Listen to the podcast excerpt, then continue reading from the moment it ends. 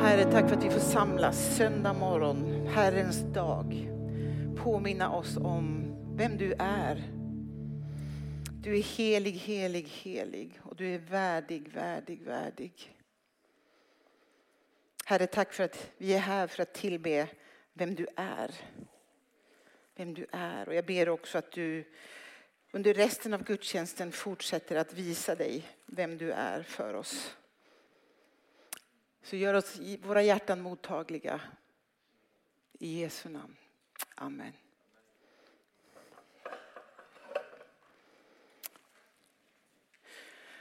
Ja, vad, vad, sa du Niklas? Det var, man fick säga gott nytt år fortfarande, eller god fortsättning. Det är så konstiga saker vi säger här i Sverige. Eh, men så är det. Jag hoppas att ni har haft fina julhelger och nyårshelger. Eh, på ett sätt så har ju hela advent, tycker jag, varit kort. För att den fick inrymmas i hela december liksom och både julafton och nyårsafton blev på en söndag. Eh, så att nu är det nytt år och vi får ta spjärn utifrån julen och in i det som vi ska kliva in i.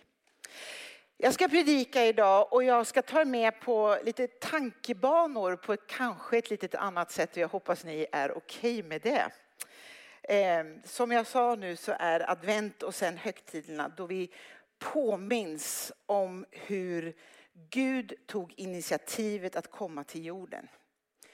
Och han hade en räddningsplan, en frälsningsplan. Plan. Frälsningsbarn hade han också. Det är det som är grejen, att han kommer i form, i skepnad av ett litet oskyldigt hjälplöst barn. Och advent som uppmanar oss alla att förbereda hans ankomst, kungens ankomst, frälsaren, räddaren. Och igen, han kommer som ett litet barn. Och vi sjunger sånger som Bered en väg för Herren, berg sjunken och djupstånd upp. Vänd upp och ner på allt vi känner till. Gör vägen rak och gör den jämn. Det är en uppmaning till oss. Det finns en annan gammal psalm som heter Gör portarna höga med texten Gör portarna vida så att ärornas konung må draga dit in. Det är riktigt gammalsvenska. Det betyder Gör, öppna dörren på vid gabel så att kungen kan komma in. Det finns flera platser i Bibeln, till exempel psalm 24 där det står slå upp er ni portar, höj er ni eviga dörrar och let, låt härlighetens konung kung stiga in, beror på vilken översättning man läser. Portar och grindar i Bibeln har givetvis en helt fullständig naturlig förklaring men också en profetisk förklaring av en mötesplats. En dörr ger möjlighet för ingång, tillgång till det som finns innanför. I de här sångtexterna, som, det finns ju fler som jag har gett exempel på, så finns något otroligt mäktigt. Höj portarna, gör dem vida. Det är allt annat än en liten trång bakdörr. En hög port är tydlig, majestätisk. Den visar här är ingången. Till skillnad mot en dold liten bakdörr igen. Höj portar, gör dem vida, det är uppfordrande. Och jag är bildmänniska så jag föreställer mig att liksom den frasen handlar ju faktiskt om att inte bara öppna dörren på vid gavel utan höj porten, vidga den. Då plötsligt inverkar man på konstruktionen. Dörrkarmen kanske behöver knackas ner och dörrbladen helt bytas ut. Och pratar vi om att höja portarna så är det balkar och bärlager som kanske också måste bytas ut. Det är en ganska stort ingrepp för att slå upp dörrarna på vid gavel. Och det här var uppmaningen till Israel, att vara beredda, att inta en position, att vidga dörrarna för kungarnas kung och herrarnas herre. Och så kommer han som ett litet barn. Vet vi ens hur han kom in i staden? Använde han någon av portarna? Mm. Och idag så lever vi med samma uppmaning. Inte bara en högtid om året, utan dagligen. Även om Gud är här, även om han genom sin ande bor i oss och hela det här så är det ändå så att vi lever i en förberedande väntan på att Jesus en dag ska komma tillbaka. Åh, vilken dag det ska bli. Och jag har tänkt så mycket på det här med dörrar och portar över julhelgen. På möten med Gud, på tillgången till honom. Och just det här, är det möjligt att leva liv med öppna dörrar? Tänk er själva här, bara här i kyrkan. Om vi lämnar byggnaden helt olåst, olarmad med dörrarna på vid gavel. Ett, det blir väldigt kallt här inne. Ehm, och om vi dessutom skulle just behöva göra ingrepp i strukturen för att vidga och höja och bredda. Då skulle det vara lätt att välkomna kungarnas kung. Men det innebär ju också att vem som helst kan komma både in och ut för den delen. Och så förs mina tankar till Jerusalems mur som har rasat och byggts upp igen. Nehemja till exempel. En mur runt Jerusalem som ger skydd, som ger blick över och strategi för var fienden är någonstans. Säkerhet för de som är innanför. Och det fanns en tid när muren höll på att byggas upp, men när grindarna fattades, portarna, de var liksom ett öppet villebråd för fienden egentligen. Och då placerar man ut soldater för att säkra staden. Dörröppningen behövde skyddas. Jag älskar dörrar och jag älskar portar, jag älskar grindar, det har jag gjort länge. Och jag vet inte hur många foton jag har på dörrar från olika semestrar. Stora portar, små portar, breda portar, blåa portar, gröna portar, trasiga, vackra eller rostiga som gnisslar på gångjärn. Men jag älskar dem och vet ni, det gör Gud också. Så här står det nämligen i Psaltaren 87. Herren älskar Sions portar mer än någon annan av Jakobs boningar.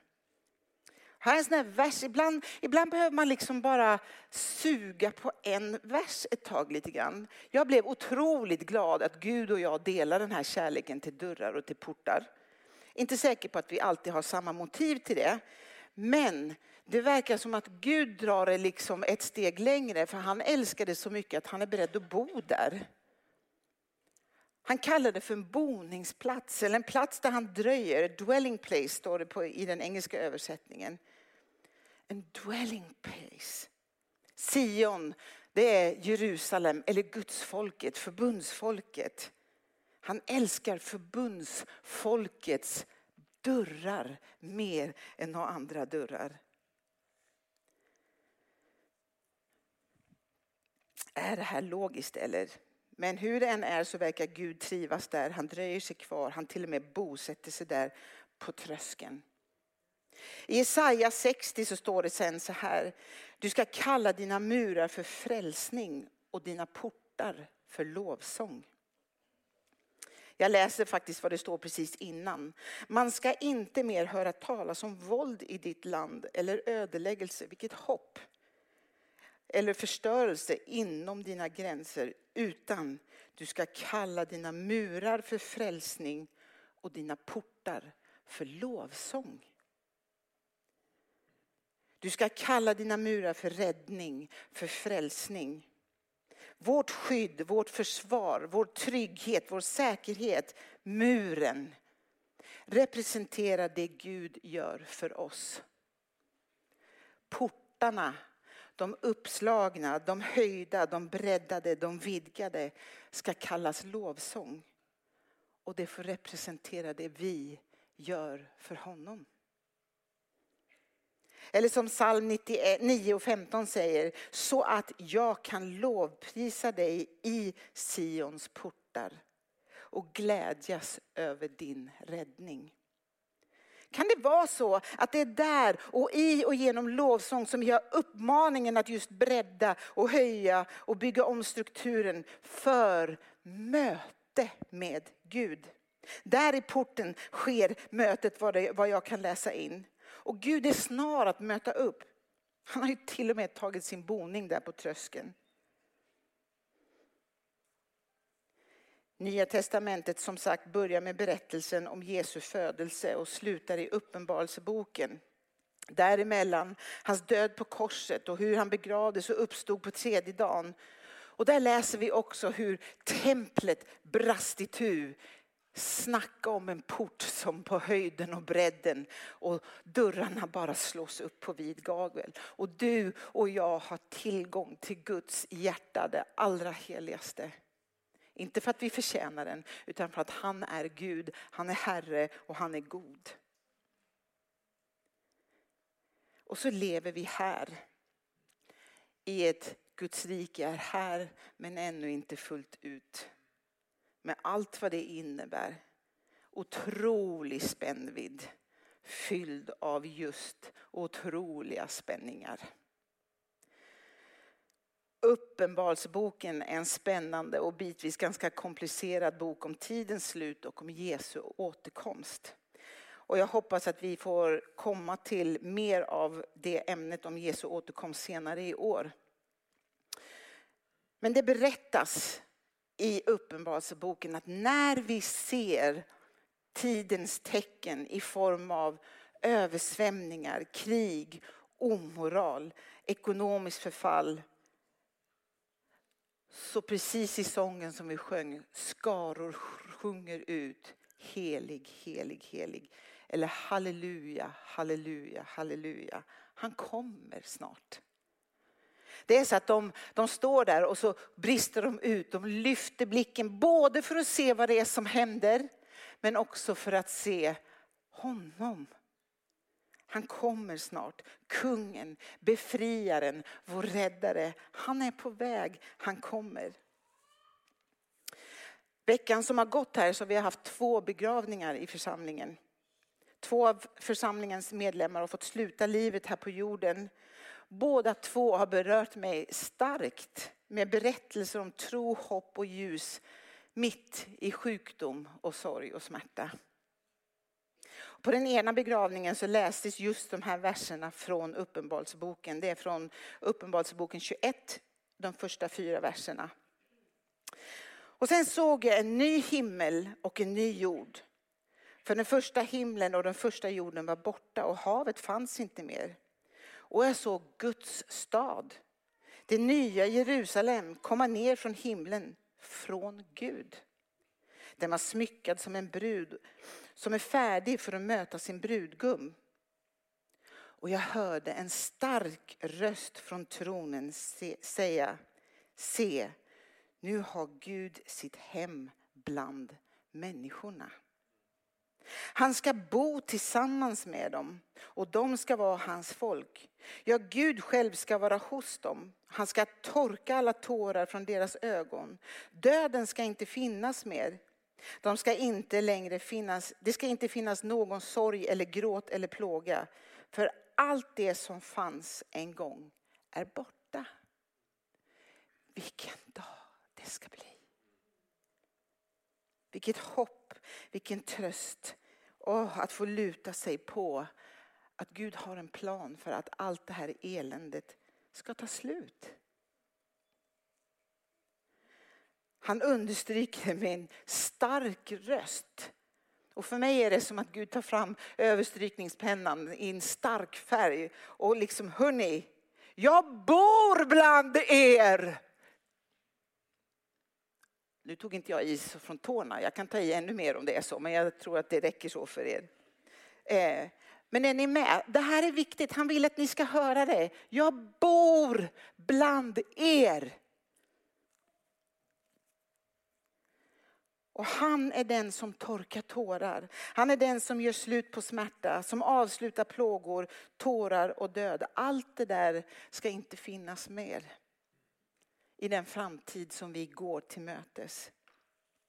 Lite längre fram i samma kapitel så berättas det om bruden som ni hörde här också. Lammets hustru, eller Jesu brud, Guds folk. Som en ny stad som kommer ner från himlen och den här staden strålar av Guds härlighet och gnistrar som inte bara en dyrbar ädelsten utan det bara strålar. Och Johannes beskriver den här väldigt märkliga profetiska bilden om bruden, eller den nya staden, som en kub. Måtten finns tydligt angivna. Den är lika bred som den är hög och som den är lång. Vilken brud vill jämföras med en kub undrar jag. Muren är byggd av jaspis och olika ädelstenar som, som grundstenar. Det här är en färgexplosion som gnistrar starkare, klarare än vilket nyårsfyrverkeri som helst. En Rubiks kub tänker jag. Med glitter och glamour så långt det bara går. Och i liksom upphöjt till exponentiella nivåer som är helt galna. En kub tänker jag får representera någon slags tydlig struktur och ordning. Guds nya ordning kommer att komma till jorden. Sen står det något intressant som, som har klackt till i mig de här julhelgen. Att i den här muren så finns det tolv portar som representerar de tolv stammarna. Och nu ska ni höra. Varje port är en pärla. Det är en port jag fortfarande aldrig har sett. Rund port på alla håll och kanter. En pärla. Här sträcks även liksom min, jag är bildmänniska och kan se saker, men det är liksom wow, det är som det går bananas. Och så går vi tillbaka till versen vi läste här i början. Murarna är vår räddning. Det Gud gör för oss, porten, pärlan, lovsång. Och plötsligt så är det som någon liten polett trillar ner hos mig. För det är ju logiskt att muren som är gjord av det dyrbaraste, dyrbaraste. Det finns ädelstenar som jag inte kan uttala och har aldrig sett och hört talas om i, i Bibeln. Att hans frälsning som är en gåva, att det är det dyrbaraste, dyraste. Ja, det är klart det är. Men pärlorna, det vi ger till Gud. Tänk efter lite. Hur blir en pärla till? Genom irritation, genom ett skav, genom något smutsigt som smyger sig in. Och över tid, i den tillbedjan, i den lovsången växer det och blir en pärla. Rund och så långt ifrån en kub det bara kan bli. Men där, mitt i skav, mitt i förlust, mitt i besvikelse, där älskar Gud att ta sin boning. Det är där han tronar på vår lovsång, som det står. Och jag har blivit påmind över julhelgen hur den typen av tillbedjan låter eller kan se ut. Jag har blivit så berörd av dem i vår gemenskap som väljer att luta sig in mot Gud, som väljer att tillbe mitt i sjukdom, mitt i plågor, mitt i smärtor. Men mitt i det svåra så bjuder människor in i deras skav, deras irritation, smärta, sjukdom eller besvikelser. Och vi är ju människor. Det är klart vi bär skav i våra liv. En del bär mer och andra bär mindre. En del av er är här i detta rum just nu. Ni trons hjältar som vågar kliva in i lovsången för att som tillber Gud just för att han är helig, just för att han är värdig och just för att han är god. Även om skavet inte har gett sig. Som vågar sträcka sig mot Gud i och genom sjukdom. I visshet om att Gud är god även om helandet uteblir. Eller som våra vänner som också nyligen upplevt förlust. Lars-Olof, den ena som vi fick ta avsked av i onsdags, så fick vi lära oss att en av hans favoritsalmer var Gå Sion din konung att möta. Sion, Jerusalem, Guds folk. Gå din konung att möta. Och så refrängen brister ut i var glad, var glad, var glad. Och så berättas det på minnesstunden hur han som ung, han älskade den sången och han skulle leda ett möte. Och mitt i sommaren så väljer han den sången Och församlingen blev plötsligt jätteglad. För alla någonstans vet att men det här är ju en adventssång, den sjunger man väl inte mitt i sommaren. Men alla blev glada. Inte nödvändigtvis att man alltid känner sig glad. Men den här sången vad jag förstod blev som en grundton i Lars-Olofs liv. Var glad och hylla din konung och Gud. Och den blev som en uppmaning till alla oss som var samlade. Jag har också talat med en pastorskollega, Maria, som har en lång sjukdomshistoria bakom sig men som precis någon vecka innan jul fått veta att hon har bröstcancer. Hon delar sin resa öppet. Hon har nu fått raka sitt huvud för att hantera cellgiftsbehandlingarna och tussarna som trillar av. Och det har gått så fort allting från att hon fick besked till att cellgiftsbehandlingen är igångsatt. Så hon säger att jag har inte hängt med mentalt. Men hon är trött. Men så säger hon, det som bär mig är givetvis Gud. Men även att få kliva in i den pågående gudstjänst där jag får vara en del av en pågående tillbedjan. Guds kärlek och omsorg om mig tar sig i uttryck i och genom församlingen. De ropar till Gud åt mig och med mig. De tillber åt mig och bredvid mig. Jag är fortfarande del av den gudstjänstfirande folket. Av det tillbedjande folket som Uppenbarelseboken beskriver. En del av de starka röster från en stor skara människor i himlen som brister ut i ett halleluja, han kommer. Han kommer snart. Och självklart ropar jag ut till Gud att min sjukdom är helt onödig. Men du Gud är ändå god. Och jag vet att det här kan låta glättigt eller till och med som ett hån. Och jag vet att jag kan uppfattas fel. Jag vet att jag kan höras som ett, bara vi lovsjunger så blir allt bra. Men hör mig rätt. För det är inte det jag vill förmedla och det är inte det jag vill säga idag. För ni som har berört mig på djupet och hjälpt mig att fördjupa min tillbedjan. Det är ni som har valt att fortsätta tillbe över år och över tid. Även av till exempel förlusten av en son. Jag bär den djupaste respekt för familjen som bara timmar efter förlusten av en make, pappa, morfar och farfar väljer att kliva in på en gudstjänst här i tillbedjan. När just den sången, Gå Sion din konung att möta sjöngs på gudstjänsten här i advent. För att ett av barnbarnen döps. Jag hyser den djupa respekt för de av er som just nu kämpar efter förlusten, till exempel av att ha förlorat jobbet. Men som ändå lutar dig in, som ändå har utsatt dig för att sitta i dörrposten där mötet sker. Jag är så utmanad och uppmuntrad och berörd av att höra en mamma som brister ut i förtvivlad, liksom gråtfylld lovsång för ett av sina barn. Och vilket skav du än bär idag. Vilket skav du än har kommit hit med idag. Vilken tillbedjan som du brister ut och hur den än låter. Om den är full av gråt eller det räcker med att vara min ålder nu så kraxar man för jag är inte så bra på att sjunga upp. Det låter inget vackert. Att ändå brista ut halleluja, jag vet min befriare lever. Vet att du är med och bygger pärlan. Inte som ett krav utan som ett samarbete i mötet med Gud själv. Vet att du är del av att höja portarna och slå upp dörrarna. Vet att Gud är där och möter upp med öppna armar.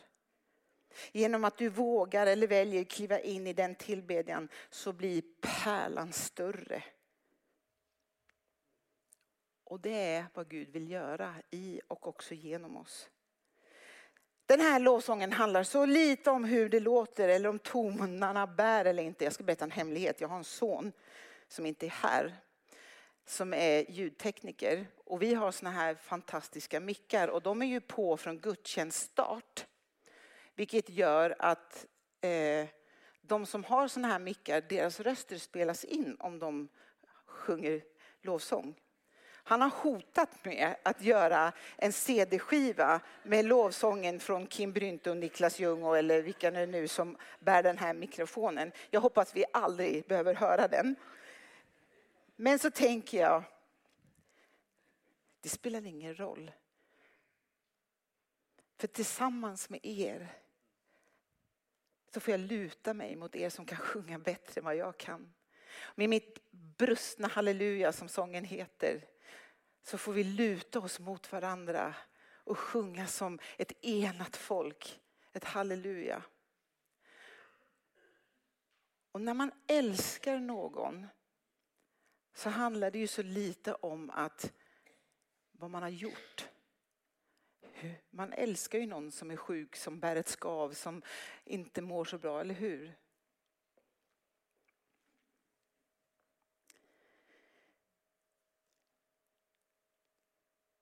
Det finns också någonting i modet och kraften att utsätta sig för att sjunga i skavet. Det är lätt att tillbe när Malmö FF har vunnit allsvenskan. Det är lätt att tillbe när bönesvaren är många. Det är lätt att tillbe när man har flyt i livet och gode Gud och man surfar på vågorna. Det är kanske där lovsången och tillbedjan blir glättig. Men i skavet så krävs det något annat. Och jag tänker på hur ofta det står att kom som ett offer.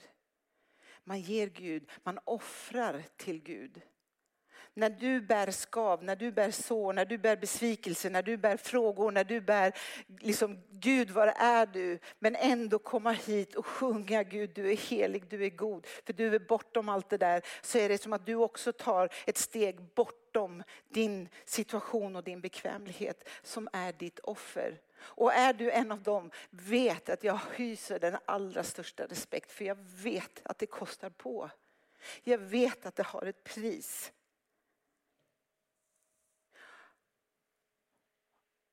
Och i början läste vi också att det kommer en dag där vi ska bli befriade från allt det här. Och det är en tröst och det är ett hopp.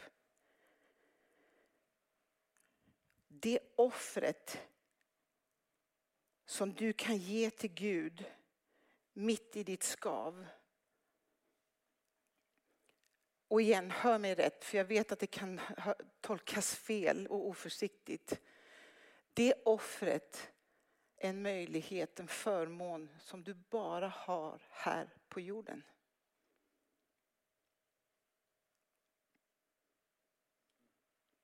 För när han är tillbaka då finns ingen ånger, ingen rädsla, ingen sjukdom, inga tårar, ingenting av det mer. Här och nu är det enda möjligheten, vi har möjlighet att bära fram allt vad vi är till Jesus i ett heligt offer Bill Johnson, en pastor i USA, han förlorade sin fru i cancer för, jag, tror, jag vet inte om det är två år sedan. Han säger så här att smärtan är så oerhört påtaglig, saknaden, sorgen är oerhört påtaglig men jag omfamnar den. Jag bär den riktigt nära mig. Och så får det bli en del av den doften som jag tillber Gud med. Och det är något annat än att bara så här fly ifrån den eller kliva av den eller liksom låtsas om den eller sopa den under mattan. Utan han tar med den i sin tillbedjan till Gud. I ett offer som kostar på. I ett offer som kostar på. För att han vet, för att han har lärt sig att lovprisning, den sanna lovprisningen är förankrat i vem Gud är. Inte vad han gör eller vad han inte gör.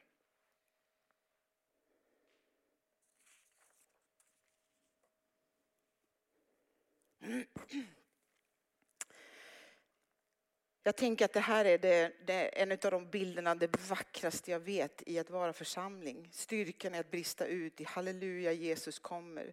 Befriaren mitt i den förfärliga förlusten. Kliva in i ett gudomligt möte med Herren själv. Och jag tänker att man är aldrig så nära som just då. Och jag tänker så här att jag vill inte att det som är förgängligt ska beröva mig av det som är av evighetsvärde. När vi lever med ett evighetsperspektiv så förändras allt. Allt, hur vi tänker och vad vi prioriterar. Och det blev jag också så påminna om genom de här två berättelserna från de vi har fått begrava den här veckan. Människor som sörjer men som sörjer väl. Som sörjer i ett evighetsperspektiv. Åh, det ger sån tro och det ger sån hopp. Och när man har förmånen att gå bredvid en människa som står på tröskeln till evigheten. Ju närmare evighetens port man kommer desto obetydligare blir allt. Många av er vet att min pappa dog för ganska exakt fem år sedan på nyårsafton. Och eh, efter en tids sjukdom och smärta. Och allt det som han brukade oroa sig för var plötsligt helt obetydligt. Och jag vet att jag tyckte om att prata om politik med honom och han har sett så många regimskiften och han har varit på plats ute i världen när olika murar har fallit och Ceausescu föll. Ja, men allt, han har varit där bara så dagar innan. Vi undrar om han var spion ett tag eller så. Men, men jag, jag pratade med honom om, om jag, jag, vet inte om det var första gången Trump skulle bli vald och jag liksom var nyfiken på, pappa vad tänker du? Och till slut säger han Kim, jag tycker mest synd om er som ska vara kvar. Jag vet vad jag ska. Nu vill jag bara att du läser för mig ur Guds ord. Och så vi kan välja. Jag vill välja texter som talar om tiden som kommer, som hör evigheten till. Så det gjorde vi. Jag tror att när vi lever i skav, när vi lever i sorg, när vi lever i smärta så är den största faran för oss den största faran för oss som människor det är att tappa blicken på vem Gud är.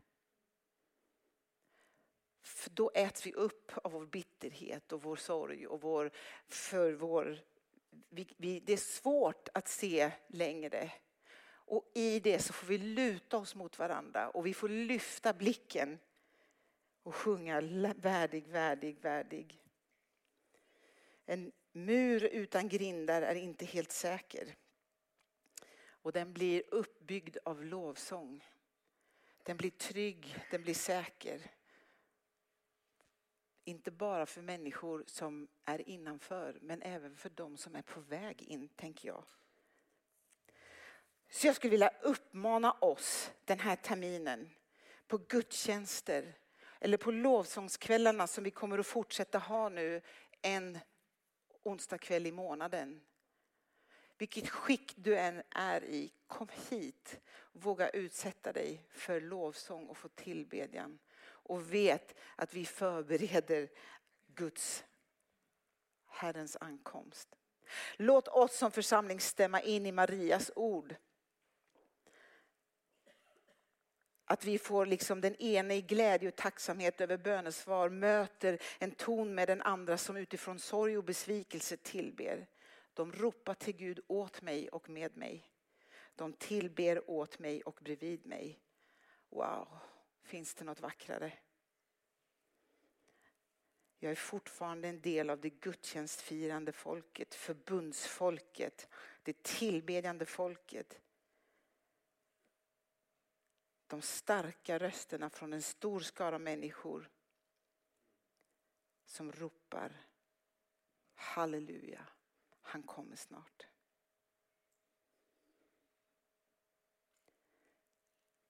Välkomna fram. Vi ska tillbe nu. Vi ska tillbe nu. Jag vill bara igen säga, jag, det här är en inbjudan att tillbe honom. Och vi har sådana fantastiska musiker som gör det lätt för oss att tillbe. Kraxa på. Lägg dig ner på golvet i en blöt hög och gråt om du behöver det. Men tillbe och dansa om du behöver det. Vi klarar av det i samma rum. För här sker mötet med Gud först och främst. Och klarar vi mötet med Gud så klarar vi också mötet med varandra. Och i det skavet så bygger vi pärlan, vi bygger porten. I det mötet så får Gud säga till dig, jag älskar dig. Och i det mötet får vi säga till Gud, till Jesus, ja, vi älskar dig. Det är det största, det är det högsta och det är det dyrbaraste. Amen.